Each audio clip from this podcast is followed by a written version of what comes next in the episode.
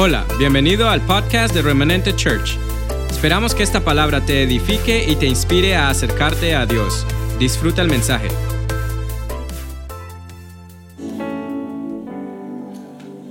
Aleluya. Gloria a Dios. Dios es bueno, amén. Y su misericordia, dice su palabra, es para siempre. Amén. Si no fuera por su misericordia, yo creo que ninguno de nosotros estuviéramos aquí hoy en día. Amén. Pongámonos de pie. Y de verdad que desde que comenzó el servicio ha sido una bendición. Cada momento del servicio, esa administración a, a los niños fue algo impresionante. Y yo sé que Dios tiene cuidado de nuestros hijos. Amén. Padre, te damos gracias en esta mañana por eh, el privilegio, Señor, de poder traer eh, tu palabra, Señor. Bendecimos, Señor, a nuestro apóstol, la pastora, Señor, bendecimos su familia. Gracias, Señor, por la confianza, Señor, que ellos han depositado en nosotros, Señor. Te damos gracias en esta mañana. Los bendecimos, Señor, ahí donde ellos están, Padre. Bendito Dios, guárdalos, protégelos, prospéralos, guíalos, Señor, en todo momento, Padre, en el nombre de Jesús. Y yo te pido en esta mañana que la palabra, Señor, que va a ser implantada en nuestros corazones, Señor, con mansedumbre, Señor, pueda traer salvación a nuestras almas, Señor, como dice el libro de Santiago, bendito Rey. En el nombre de Jesús declaramos los cielos abiertos sobre este lugar. Declaramos todo pensamiento sujeto, Señor, a la obediencia a Cristo Jesús, Señor. Todo pensamiento contrario, todo aquello que no es tuyo, Señor, ahora yo lo echo fuera en el nombre poderoso de Jesús. Y declaramos, Señor, que nuestros corazones, Padre, son buena tierra y que la palabra es buena semilla y al caer en buena tierra dará frutos, Señor, al 30, al 60 y al 100 por uno. En el nombre poderoso de Jesucristo de Nazaret oramos, creyendo que ya tú lo has hecho, Padre. En el nombre de Jesús. Amén y amén. Puede tomar asiento. Aleluya. Por estos, creo que cuatro domingos anteriores, Dios ha traído diferentes tipos de palabras para nosotros como iglesia. Uno de los domingos, eh, Cristian estuvo predicando sobre la honra, creo que fue el Día de los Padres. Eh, después vino eh, Juan Carlos, creo que vino Juan Carlos y predicó de, cambiar nuestras, transformar nuestras mentes.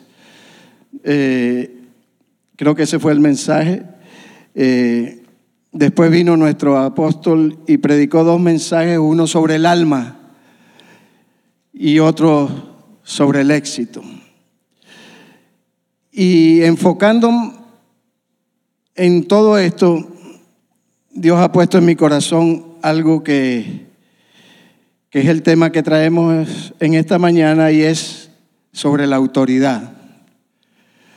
Cuando nosotros reconocemos la autoridad delegada en nuestras vidas, vamos a ser bendecidos en todo lo que hagamos. Amén. Es un principio y ningún principio puede ser roto,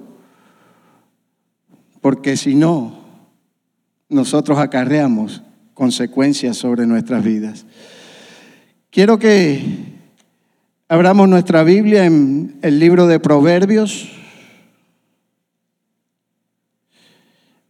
en el capítulo 21.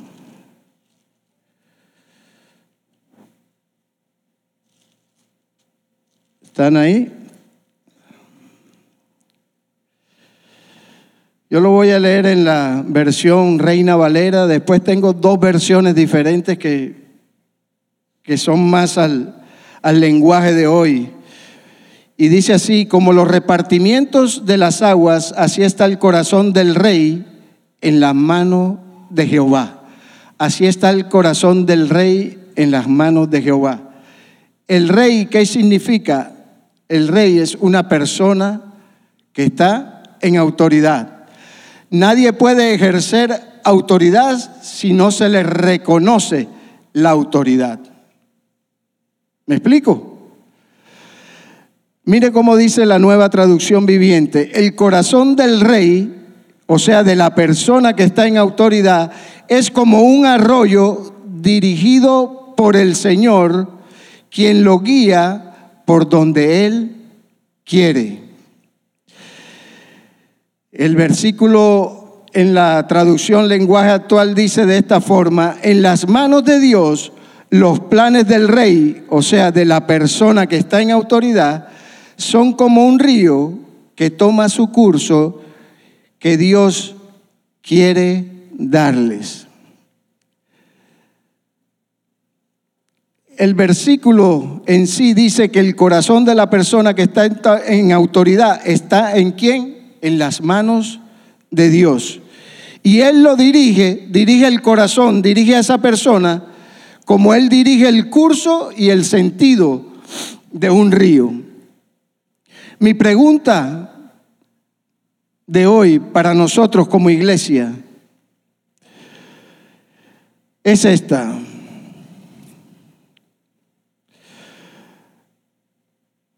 ¿Está Dios en control de tu vida?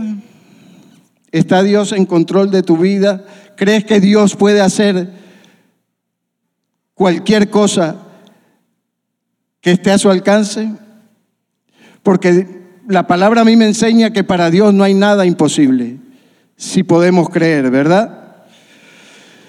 Entonces esa es la pregunta. ¿Es nuestro Dios grande? ¿Es nuestro Dios poderoso para hacerlo con cualquier persona? Y es importante, ¿por qué? Porque todo lo que pueda hacer Dios en tu vida o en mi vida está determinado por nuestra fe. La palabra de Dios dice que sin fe es imposible agradar a Dios. Y todos los que nos acercamos a Él tenemos que creer que Él es galardonador, que Él es premiador de aquellos que le buscan. O sea que las cosas en nuestra vida es por fe, no por vista. Amén. ¿Estamos hasta ahí? ¿Estamos de acuerdo? O sea, usted puede entender por este versículo que Dios es capaz de obrar en la persona que está en autoridad sobre su vida, como dice este versículo, que Él lo dirige y le da el curso que Él quiere, no que nosotros queremos, que Él quiere. ¿Por qué? Porque supuestamente tiene que estar gobernado por el Señor. Amén.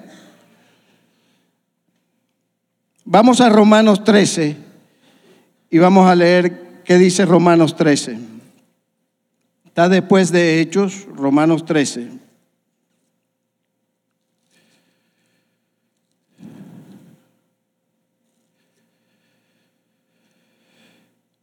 El versículo 1 y el versículo 2 dice, sométase toda persona a las autoridades superiores, porque no hay autoridades sino de parte de Dios y las que hay por Dios han sido establecidas.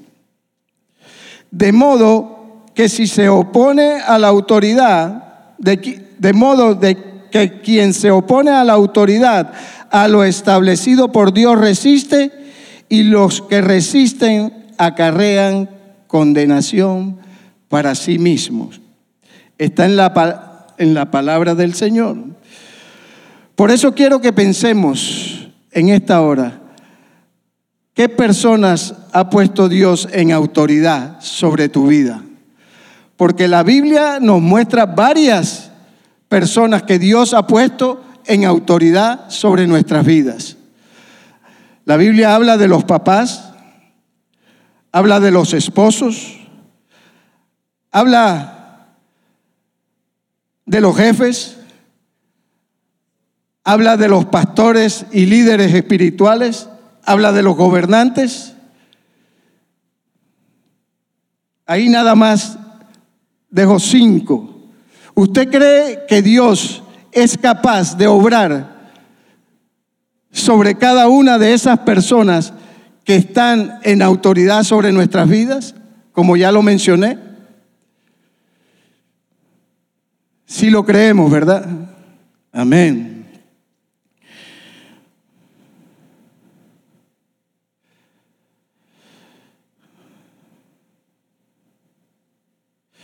Pero muchas veces pensamos que por alguna de estas personas, de pronto el plan de Dios para nuestras vidas se pudo haber frustrado.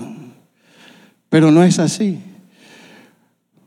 Porque Dios dice que Él tiene el control de estas personas.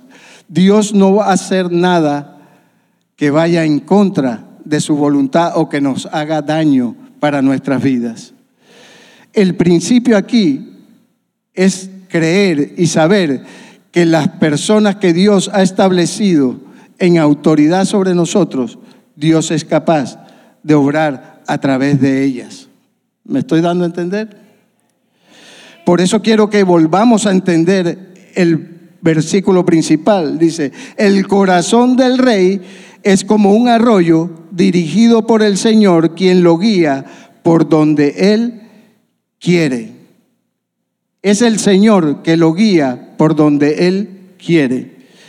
Y si nuestros pensamientos fueron de eso, de frustración, creyendo que Dios no lo podía hacer o que alguna de estas personas frustró el plan de Dios para nuestra vida, yo quiero recordarte a una persona en la Biblia y fue el faraón. ¿Cuántos saben quién es el faraón? El faraón, dice la escritura, que no dejó salir al pueblo de Israel de la esclavitud porque su corazón se endureció. Pero la palabra de Dios dice que fue Dios el que endureció el corazón de Faraón. Porque Dios tenía un plan mejor para el pueblo de Israel. ¿Por qué? Porque si Dios no endurece el corazón de Faraón, el pueblo hubiera salido de la esclavitud de Egipto pobre, sin nada. Y Dios quería sacarlos con riquezas. Desde mucho antes, Dios le había prometido a Abraham una cosa. Vaya a Génesis 15.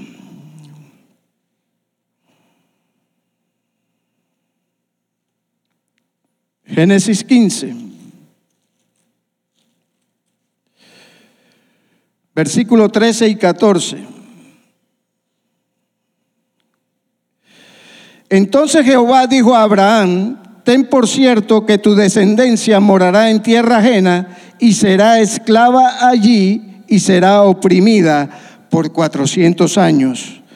Mas también a la nación a la cual servirán juzgaré yo, dice Jehová, el Señor. Y después de esto saldrán con gran riqueza. Amén. O sea, podemos entender que cuando Dios obra, así lo veamos de una manera diferente, obra para bien en nuestra vida. El libro de Romanos dice que para los que amamos a Dios, todas las cosas obran para bien. No dice que todas son buenas, dice que obran para bien. Amén. Y fue Dios, eso está en Éxodo 7:3 y Éxodo 9:12, dice que fue Dios el que endureció el corazón de Abraham.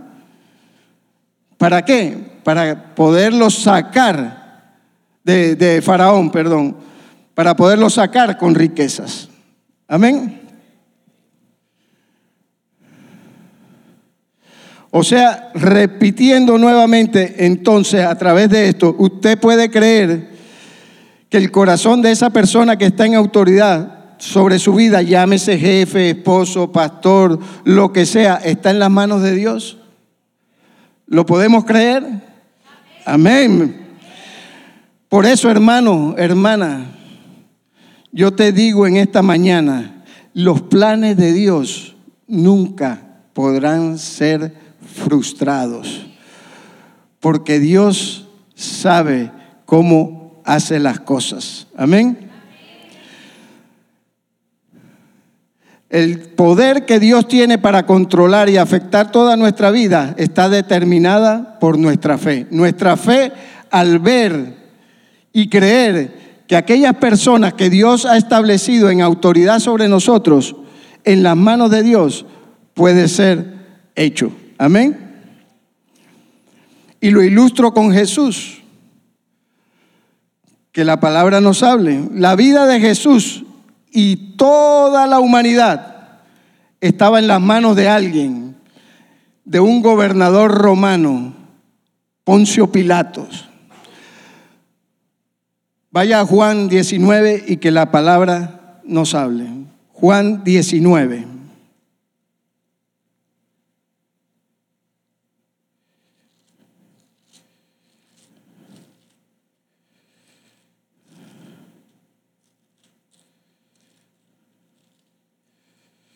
Juan 19, cuando uno puede reconocer. Y Poncio Pilato era una persona que no, no temía a Dios, creo yo. ¿Ya? Y mira lo que dice Juan eh, 19, 10. Entonces le dijo Pilato, a mí no me hablas, óyelo bien. Y se estaba dirigiendo a Jesús. No sabes que tengo autoridad para crucificarte y que tengo autoridad para soltarte? ¿Usted puede entender eso? Jesús en el versículo siguiente le contesta, respondió Jesús, ninguna autoridad tendrías contra mí si no te fuese dada desde arriba. Por tanto, el que a ti me ha entregado, mayor pecado tiene. Jesús no negó que Poncio Pilato tenía autoridad, él reconoció que tenía autoridad. ¿Usted me está entendiendo la magnitud de esto? Que no es porque tenga el gobierno de Dios o no lo tenga, es porque tiene la autoridad. Cuando usted reconoce la autoridad y usted sabe que Dios está en control de todas las cosas, usted no tiene temor de nada. Porque sabe que Dios no va a permitir nada que sea en contra de su voluntad. ¿Me explico? Por eso, hermanos, si, si Poncio Pilato hubiera querido soltar a Jesús, no lo hubiera podido hacer. ¿Por qué? Porque el plan de Dios ya estaba establecido desde antes de que Jesús tenía que ir a la cruz y morir. Porque si Jesús no moría, ni usted ni yo fuésemos salvos. Ni usted ni yo estuviéramos aquí hoy.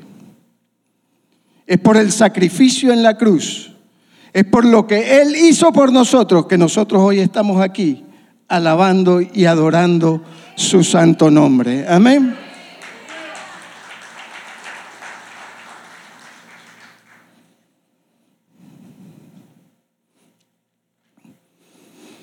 Entonces, hermanos, nadie puede tener poder sobre nosotros, ni sobre su vida, ni sobre mi vida, ni sobre nuestro destino, ni sobre nuestras circunstancias, a menos de que Dios le haya dado ese derecho. Pero tenemos que creer. Amén. Por eso cuando alguien venga a donde usted y le diga, es que tengo poder sobre ti. No es para que le recuerde el versículo que leímos al primero sino para que usted esté tranquilo y seguro y pueda decir, no tuvieras poder sobre mí si no te hubiera sido dado desde lo alto, como Jesús le dijo a, a Poncio Pilato. Cuando sabemos eso, cuando la autoridad quiere delegarnos algo o hacer algo, nosotros qué tenemos que hacer? Obedecer, someternos. Amén. Y Dios va a hacer el resto. La Biblia nos muestra que la máxima autoridad sobre todas las cosas es Dios. Vamos a Primera de Corintios.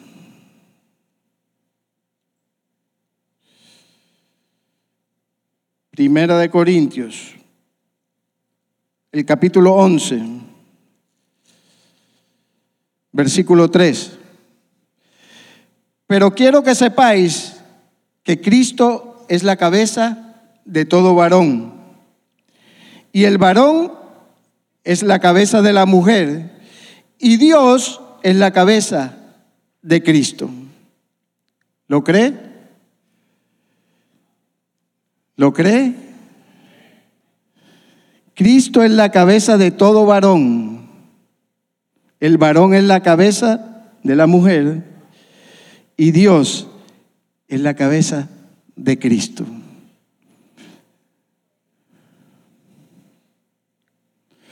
Aunque usted no esté de acuerdo, hermano, aunque usted no haya votado por alguna persona, la persona que está en ese lugar fue puesta por Dios. Así de sencillo, fue puesta por Dios.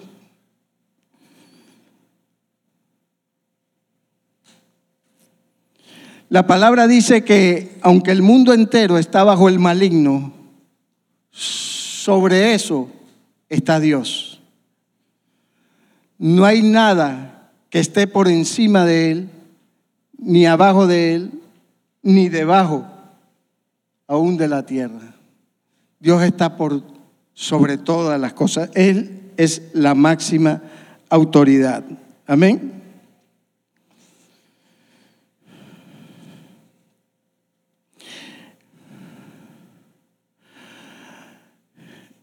En Hebreos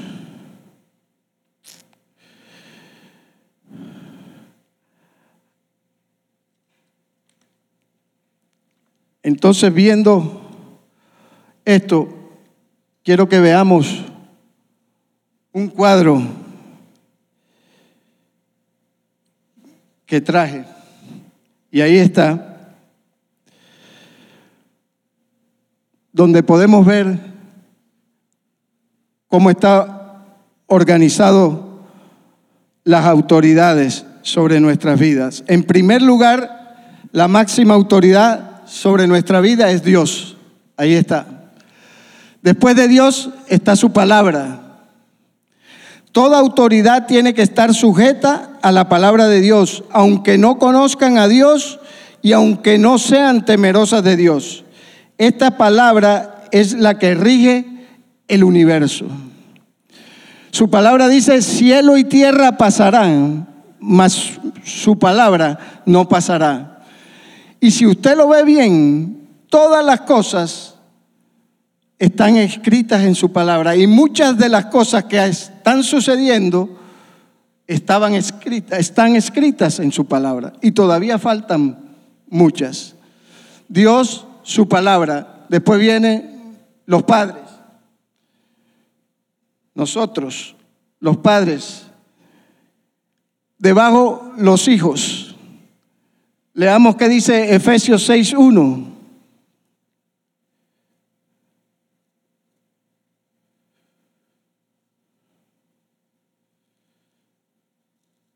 Efesios 6.1. Hijos, obedeced en el Señor a vuestros padres, porque esto es justo. Amén. Hay bendición en obedecer a los padres. Amén. Colosenses 3:20. Colosenses 3:20. Un libro, dos libros más adelante. Dice, hijos, obedeced a vuestros padres en todo, no dice en algunas cosas, en todo, porque esto agrada a Dios. Yo fui muy desobediente a mis padres y por eso acarrié muchas consecuencias. Gloria a Dios que el Señor me encontró y que hoy puedo estar aquí. Yo siempre lo he dicho y siempre he estado agradecido por Dios por eso, porque si no hubiera estado o muerto en una cárcel. Pero su misericordia me alcanzó, amén. Porque pude reconocer la autoridad en Dios en mi vida, amén, y someterme a ella. Después vienen los esposos y abajo están las esposas. Dice Colosenses 3:18, ahí mismo, unos versículos atrás. Dice, casadas, están sujetas a vuestros maridos como conviene en el Señor. Sujetas como conviene en el Señor. Después vienen los jefes. Abajo están los empleados. Primera de, de Pedro 2.18. Primera de Pedro 2.18. Dice, criados, llámese hoy en día empleados. Amén. Estad sujetos con todo respeto a vuestros amos, o sea, vuestros jefes. No solamente a los buenos y afables, sino también a los difíciles a los difíciles de soportar. En otra versión dice a los que son crueles. Someteos, sujetos. Yo lo he podido experimentar en mi trabajo. No es fácil. No es fácil cuando tú ves que hay injusticia contigo. Y yo me quejaba, pero cuando empecé a entender esto, yo dije, no más. Y iban del supervisor y me asignaba mi lugar.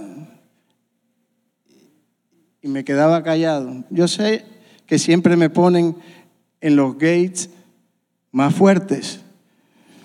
Porque en, la, en el trabajo dice que, que yo soy muy fuerte, que yo soy strong pero no tienen cuidado de mí, que ya soy mayorcito. Pero trabajo más que los mocositos, que los... Pero yo digo, Señor, tú estás por encima de todo eso. Y aprendí, aprendí a obedecer. Todo cuesta. Y hoy en día me ponen el gay. Sí, chévere. De pronto desaparece un avión de por ahí, lo quitaron. De pronto el, gay se vuelve más, más suave. Si me quejaba, me ponía, me cambiaba para otro gay y el gay era peor del que me habían puesto. Entonces, ¿para qué me iba a molestar? Obedecer. Y Dios se encarga de lo demás. Amén.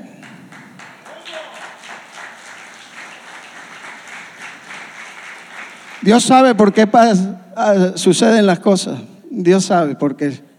Dios sabe por qué le, le estoy hablando esto.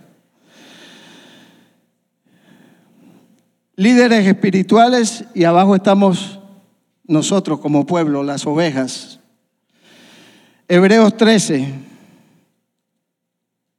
Vamos a Hebreos 13, 17.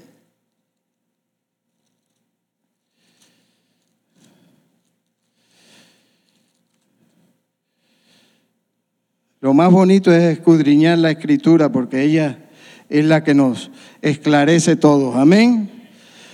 Dice, obedeced a vuestros pastores y sujetaos a ellos, porque ellos velan por vuestras almas, como quienes han de dar cuenta para que lo que hagan con alegría y no quejándose, para que lo hagan con alegría y no quejándose, porque esto no es provechoso.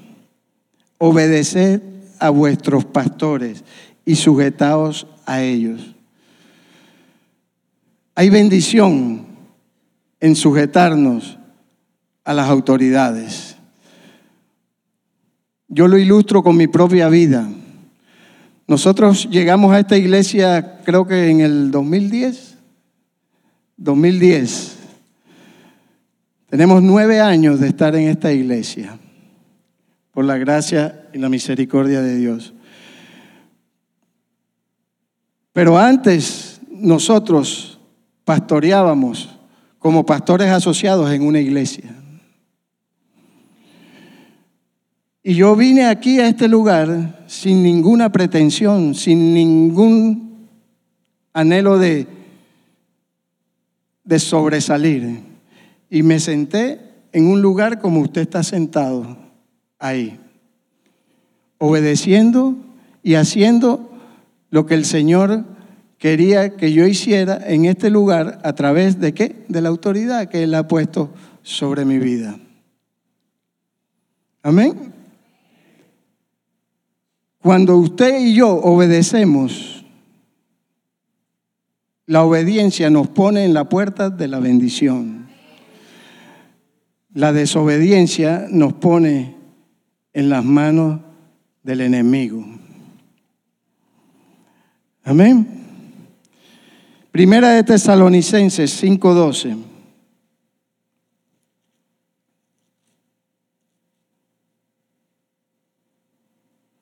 Os rogamos, hermanos, que reconozcáis a los que trabajan entre vosotros y os presiden en el Señor y os amonestan. Y que le tengáis en mucha estima y amor por causa de su obra. Tened paz entre vosotros. Y que tengáis en mucha estima y amor por causa de su obra. No es fácil estar en este lado, no es fácil. Yo lo sé y mi esposa lo sabe porque lo vivimos por experiencia propia. ¿Cuántas parejas estuvieron aquí cuando el pastor David Alves y su esposa nos ministraron como, como parejas? ¿Cuántos estuvieron aquí? Y hay algún, una palabra que ella dijo que a mí me impactó y fue empatía. Empatía, ponerse en el lugar de otra persona. Lo que llamamos en la palabra compasión. Se puede unir con eso. Compasión. Porque dice que Jesús, viendo a las ovejas sin pastor, tuvo compasión de ellas no es fácil estar en una posición de autoridad. No es fácil. Por eso yo sé lo que le estoy diciendo. Pero cuando lo ponemos en las manos de Dios y dejamos que Dios sea el que tome el control de todo en nuestras vidas, vamos a ser bendecidos. Amén. Primera de Pedro, Primera de Pedro 5, 1, 3.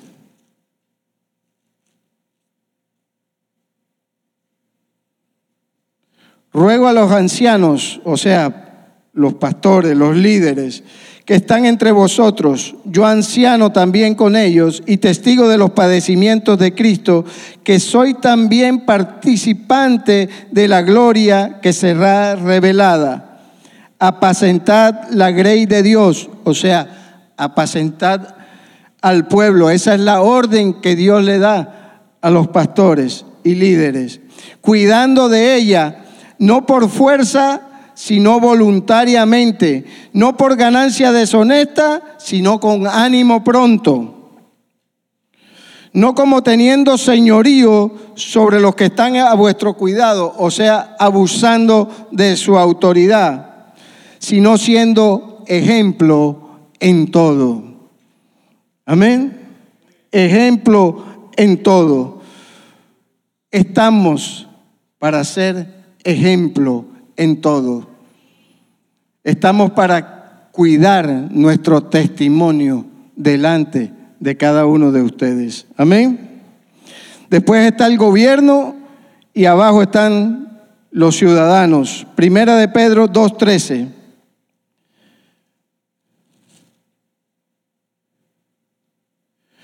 Por causa del Señor, someteos a toda institución humana, ya sea al rey como a, como a un superior, como a, a superior.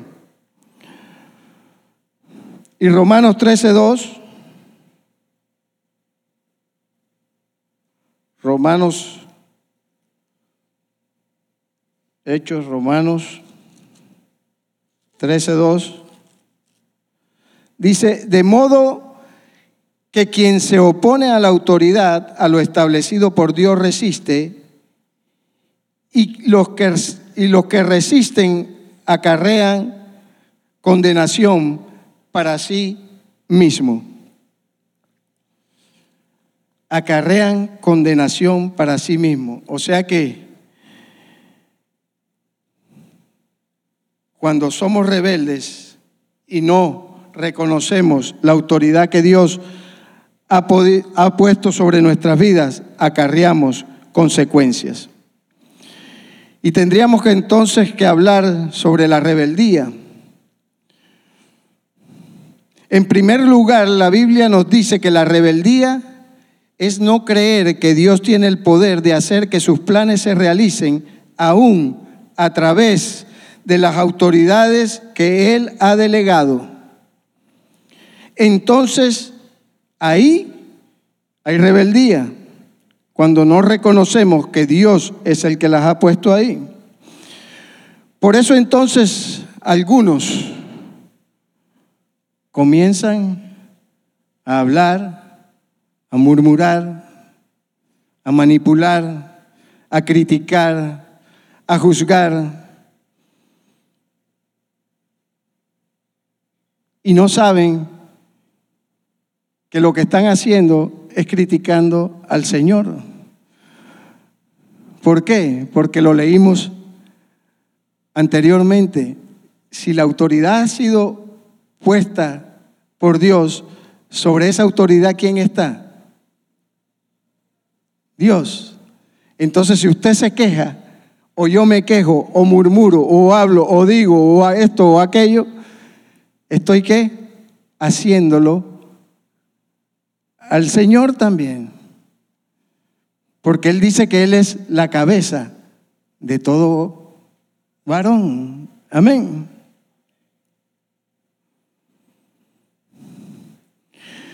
Cuando yo entiendo el principio de lo que es reconocer la autoridad establecida, delegada o establecida por Dios para mi vida, yo estoy tranquilo, yo estoy seguro de que Él no va a dejar que ninguna persona haga algo en contra de su voluntad para, para con mi vida.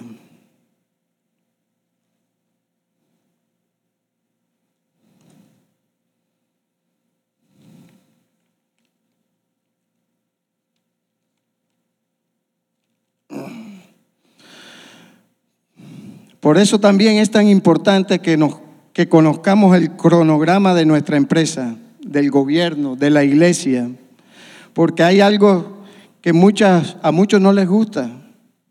Muchas personas no les gusta someterse al líder o a la persona que Dios ha establecido sobre su vida.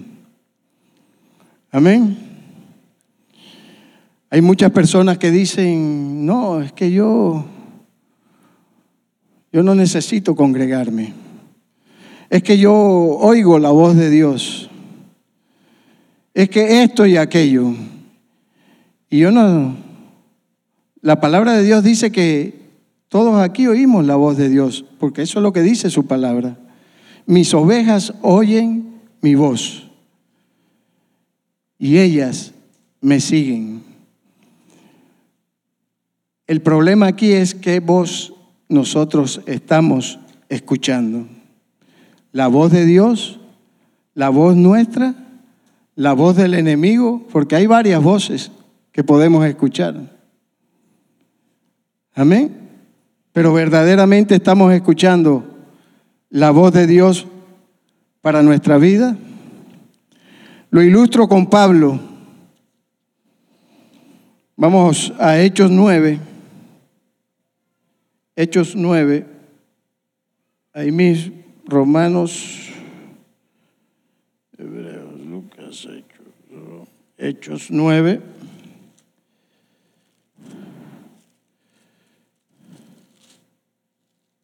Hechos 9. Versículo 6.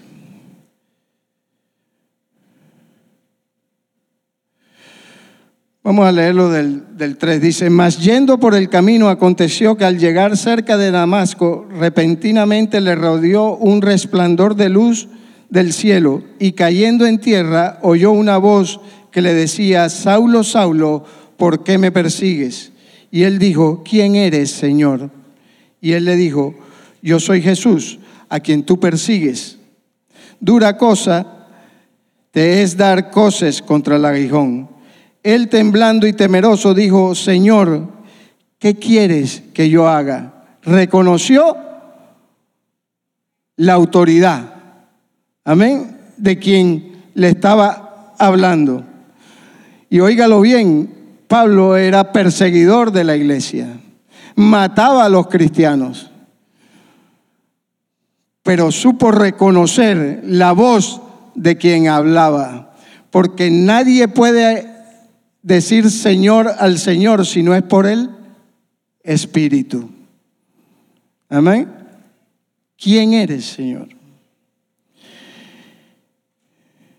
Señor, ¿qué quieres que yo haga? Y el Señor le dijo, levántate y entra a la ciudad y se te dirá lo que debes hacer. Él no objetó nada, él obedeció y duró tres días ciego y oraba. Y el Señor le dijo, ahí va a haber alguien que va a orar por ti, te va a imponer las manos y va a suceder lo que sucedió. Ananías oró por él, dice que de sus ojos cayeron escamas y él pudo ver nuevamente. Y desde ahí, el que se sujetó a esa autoridad. Podemos ver que en el capítulo siguiente Pablo estaba haciendo todas cosas, pero ¿sabe cuánto tiempo pasó para que eso sucediera? 14 años. Para que Pablo pudiera hacer todo lo que hizo. Pablo fue discipulado, Pablo fue bautizado, Pablo hizo todas las cosas que tenían que hacer para después poder ser el Pablo que nos habla la palabra. Amén. Hay cinco propósitos de la iglesia que son enseñados aquí mismo en la iglesia. Y uno de esos, de esos propósitos es adorar al Señor. A veces nos quejamos, es que la luz, es que esto, es que es aquello pero es un propósito de la iglesia, adorar primero. El segundo, echar raíces en la iglesia. Dios no quiere materas, Dios no quiere poteras. En mi país se llama poteras, es algo que, una planta que usted pone en una potera y ahí crece, no crece mucho. ¿Por qué? Porque sus raíces están limitadas no puede crecer. Dios no quiere poteras, Dios quiere que nosotros echemos raíces. ¿Para qué? Para poder ser de bendición para otros. Amén. Dios quiere que estemos plantados en su iglesia. Tercero, ser discipulados. ¿Para qué? Para poder ser como Jesús. Cuarto, servir a Dios. Dios no nos quiere sentados en un lugar. Dios nos quiere activos. Dios nos quiere predicando su palabra. es el quinto punto. No nos podemos restringir solamente a poder estar en este lugar. Afuera es donde hay que hacerlo, donde la gente está necesitando de que el Evangelio sea llevado y que el Evangelio sea predicado. Amén. Hay consecuencias que acarreamos muchas veces por nuestra rebeldía. Y quiero hablarles de alguien también en la escritura y su nombre es Coré. Quiero que vayamos al libro de números. Libro de números, a los que les gusta escudriñar la Biblia. Número 16. Número 16, versículo 3. Y se juntaron contra Moisés y Aarón y les dijeron, basta ya de vosotros. ¿A quién se estaba dirigiendo? A Moisés y Aarón, esta gente. Basta ya de vosotros, porque toda la congregación, todos ellos son santos, y en medio de ellos está Jehová. ¿Por qué, pues, os levantáis vosotros sobre la congregación de Jehová? Estaban reclamando Coré quería tomar la posición de Moisés y contaminó el corazón de los 250 miembros de la asamblea. ¿Para qué? Para ir a discutir con Moisés y Aarón. En este pasaje vemos que él quería tomar el lugar de Moisés, quería igualdad. Pero Dios qué hace? Dios se pone del lado del hombre de Dios. Se puso al lado de Moisés porque era la autoridad que él había delegado. Se puso del lado de Moisés y Dios le dice a Moisés, apártate de ellos. Porque Moisés dice la palabra que era un hombre manso. Y si Moisés se queda al lado de ellos, le hubiera acarreado lo que luego les pasó a Coré y a su familia y a los 250 miembros de la asamblea. Dios le dice, apártate Moisés. Y después la tierra se tragó a Coré y a toda su familia. Y Dios envió fuego del cielo y también consumió a los 250 miembros de la asamblea. Hay consecuencias por desobedecer, por rebeldía.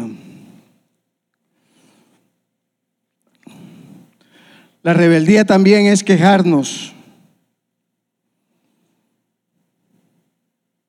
Lo que pasa es que muchas veces la queja está tan arraigada en nosotros que no nos damos ni cuenta. Nos quejamos por cualquier cosa, por, cualquier tontería.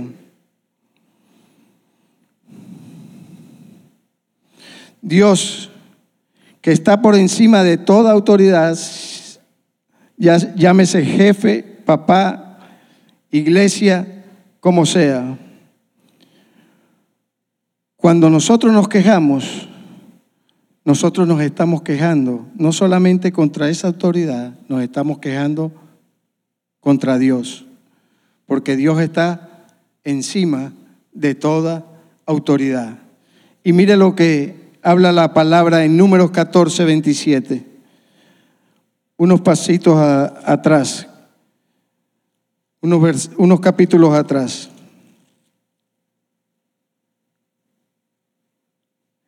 Números 14, 27. Y, y 26. Y Jehová habló a Moisés y a Aarón diciendo, ¿hasta cuándo oiré a esta depravada multitud que murmura contra mí? Estaban murmurando contra Moisés, pero Dios dijo, murmuran contra mí. Porque si estaban murmurando contra Moisés, estaban murmurando contra Dios también. Porque es la autoridad que Dios había establecido. para guiar al pueblo. Contra mí las querellas de los hijos de Israel que de mí se quejan.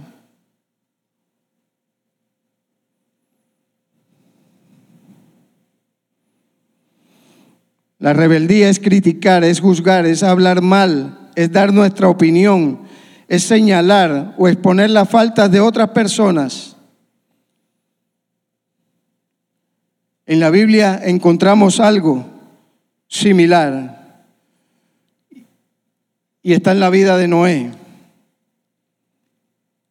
Noé, en Génesis 9, del 18 al 29, dice que Noé se emborrachó algo que no tenía que hacer.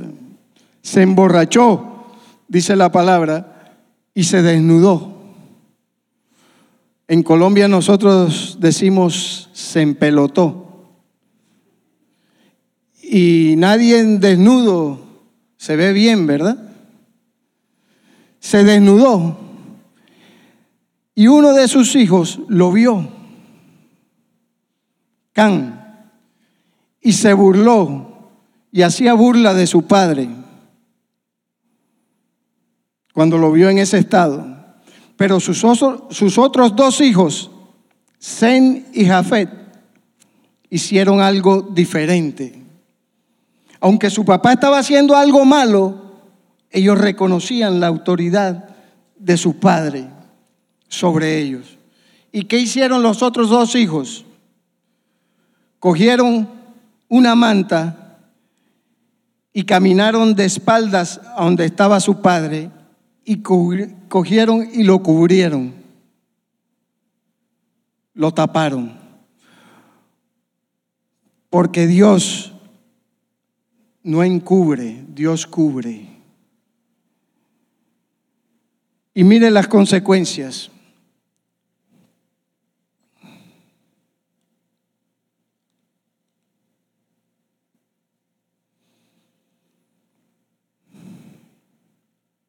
El hijo mayor, Sem, dice la escritura que es el papá de todos los judíos, una nación próspera. ¿Cuántos saben que los judíos son prósperos? Pero mire la bendición de no haber juzgado o humillado o criticado a su padre, sino de haberlo cubierto.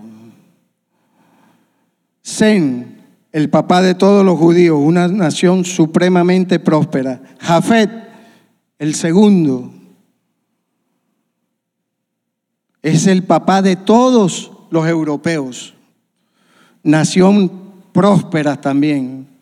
Pero Can, el hijo menor, y que humilló a su padre con esa vergüenza y todas las cosas, es el papá de todas las naciones pobres sobre la tierra. Hay consecuencias de no obedecer la autoridad.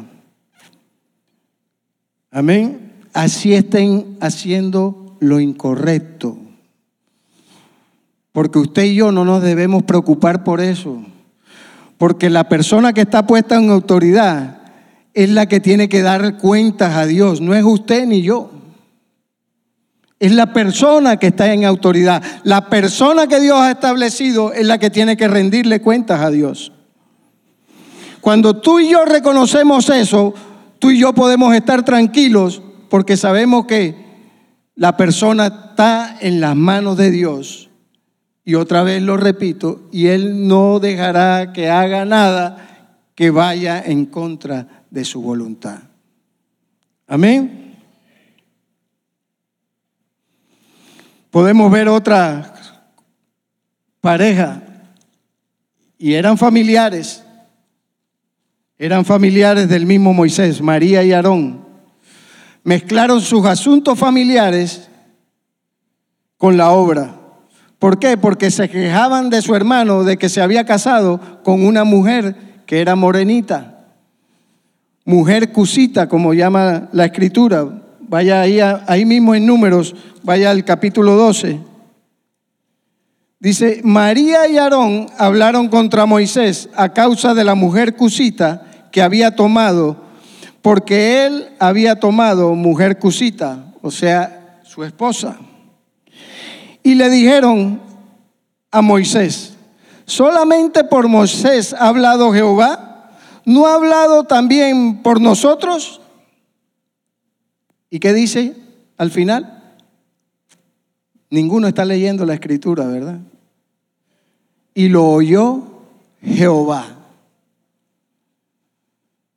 Y lo oyó Jehová. Y era verdad. Dios había hablado también por, por María y Aarón. ¿Pero qué? Estaban hablando de la autoridad que había sido puesta sobre ellos.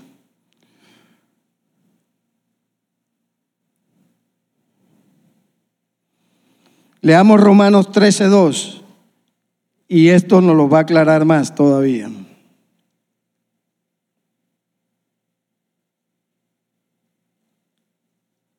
Romanos 13:2.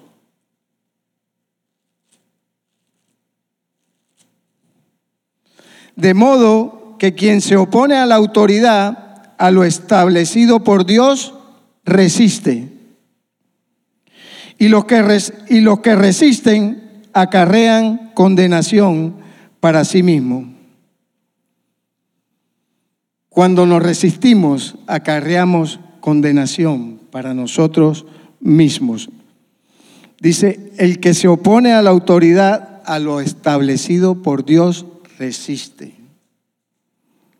Tengamos cuidado de resistir la autoridad. Amén. La Biblia también habla de Absalón, el hijo de David. Se rebeló contra su padre. Estuvo en el palacio por más de cuatro años, ahí en el palacio, y veía entrar y salir a la gente. Y toda la gente cuando iba entrando, él le decía, ¿y qué vienes a hacer? No, vengo a, traer e, este caso delante de uno de los jueces. dice, oh, está bien lo que pides, pero lástima que el que gobierna es tan malo, hablando de su propio padre, tratando de ganar beneficio de eso. Lástima que el que gobierna es tan malo. Y así se la pasó por cuatro años Absalón, ahí en la puerta del palacio, y tomó el trono de su padre también. Pero que tú tomes una posición por tu cuenta propia no te garantiza de que tú vas a estar ahí de por vida. Cuando tú haces las cosas en tus propias fuerzas o en tu carne, eso no te garantiza de que Dios te vaya a dejar ahí. Porque su palabra dice que Él es el que pone reyes y quita reyes. Él es el que abre y nadie puede cerrar. Y Él es el que cierra y nadie puede abrir. Amén. Y Absalón se rebeló contra su padre y toda la tropa de David siguió detrás de él. Hay muchos que están siguiendo detrás de hombres y no siguen detrás de lo que Dios está hablando. Y mire lo que le ocurrió a Absalón también por desobedecer la autoridad por ponerse en contra de la autoridad. Huyó en una mula y Absalón dice que tenía una cabellera que le llegaba aquí a la cadera. Iba cabalgando en esa mula y habían árboles y su melena se quedó enredada en un árbol. Y la mula siguió y él se quedó colgado de su cabellera en el árbol. Y ahí murió. Consecuencia ¿De qué? De su desobediencia, de su rebeldía. Amén.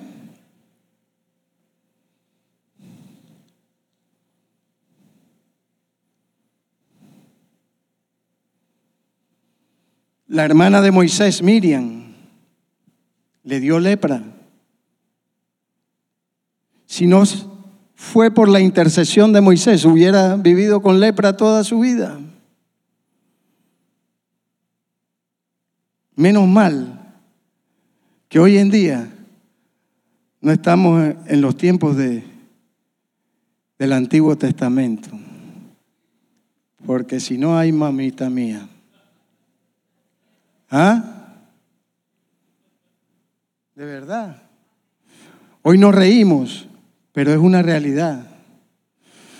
Y yo quiero terminar ilustrándolo con mi vida y poniendo ejemplos de esta casa, de personas que yo conocí, he, conocido y que están aquí por mucho tiempo. Y los puedo nombrar con los dedos de mi mano. Juan Carlos, el hermano René Aguilera, el hermano René Rivera, la hermana Gladys. Hombres que se han sometido a la autoridad de esta casa, que han pagado un precio y están ahí, esperando el tiempo de Dios para su vida. Y lo ilustro con mi vida. Nosotros tenemos nueve años de estar aquí y ahí he estado sentado por la gracia y la misericordia de Dios, después de haber venido y de haber pastoreado por cinco años como pastor asociado en una iglesia. Y no me fui de la iglesia por rebeldía, me fui de la iglesia porque el pastor me dijo que me fuera. Si no, yo me hubiera quedado en esa iglesia. Porque yo no soy de los que corro de iglesia en iglesia. Porque si yo corro de iglesia en iglesia, nunca voy a echar raíces. Y yo quiero echar raíces y quiero dar fruto y fruto en abundancia. Y por eso yo he estado aquí y me he sometido y me he sujetado. Que no esté de acuerdo en cosas no quiere decir que yo me ponga a criticar o a juzgar o a hablar o esto y aquello yo puedo ir delante del Señor en oración, en intercesión y presentarlo delante de Él. Así de sencillo. Vale la pena ser obedientes. Vale la pena ser sujetos y sumisos. Aún, como lo dije anteriormente,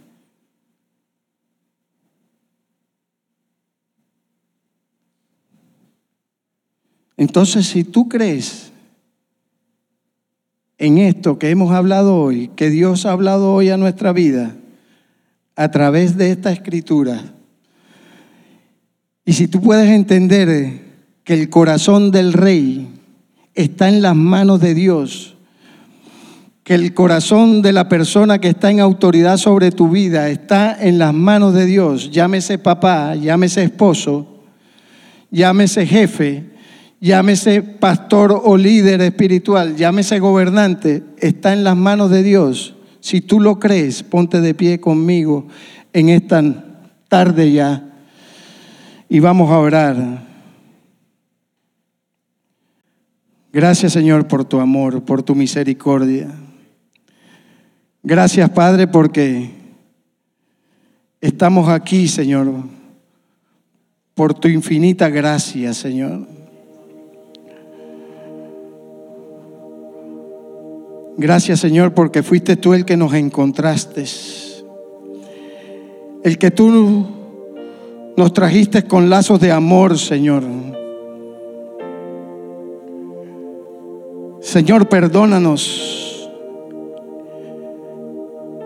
Y yo me pongo como ejemplo, me pongo como principal, Señor. Si en algo te hemos fallado, Señor, en esto, Señor, de la autoridad, Señor, te pedimos perdón, Padre. Tu palabra dice, Señor, que aquel que confiesa, Señor, su pecado y se aparta, alcanzará misericordia, será prosperado, Señor.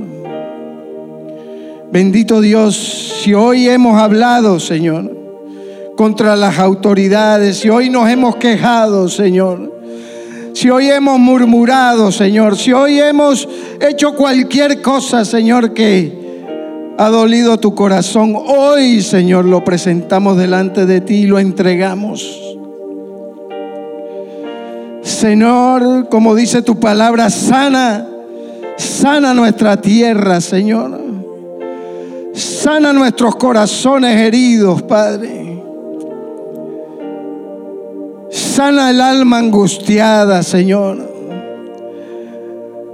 Padre, que tu palabra hoy sea como ese bálsamo, Señor, que viene a sanar, Señor. En el nombre poderoso de Jesús, te lo pedimos, Señor. Ayúdanos, Señor, a ser como tú, Señor. A escuchar como tú, a ver como tú, Señor. A hablar como tú, Señor. Enséñanos, Padre. No es fácil, pero de tu mano lo podemos hacer, Señor.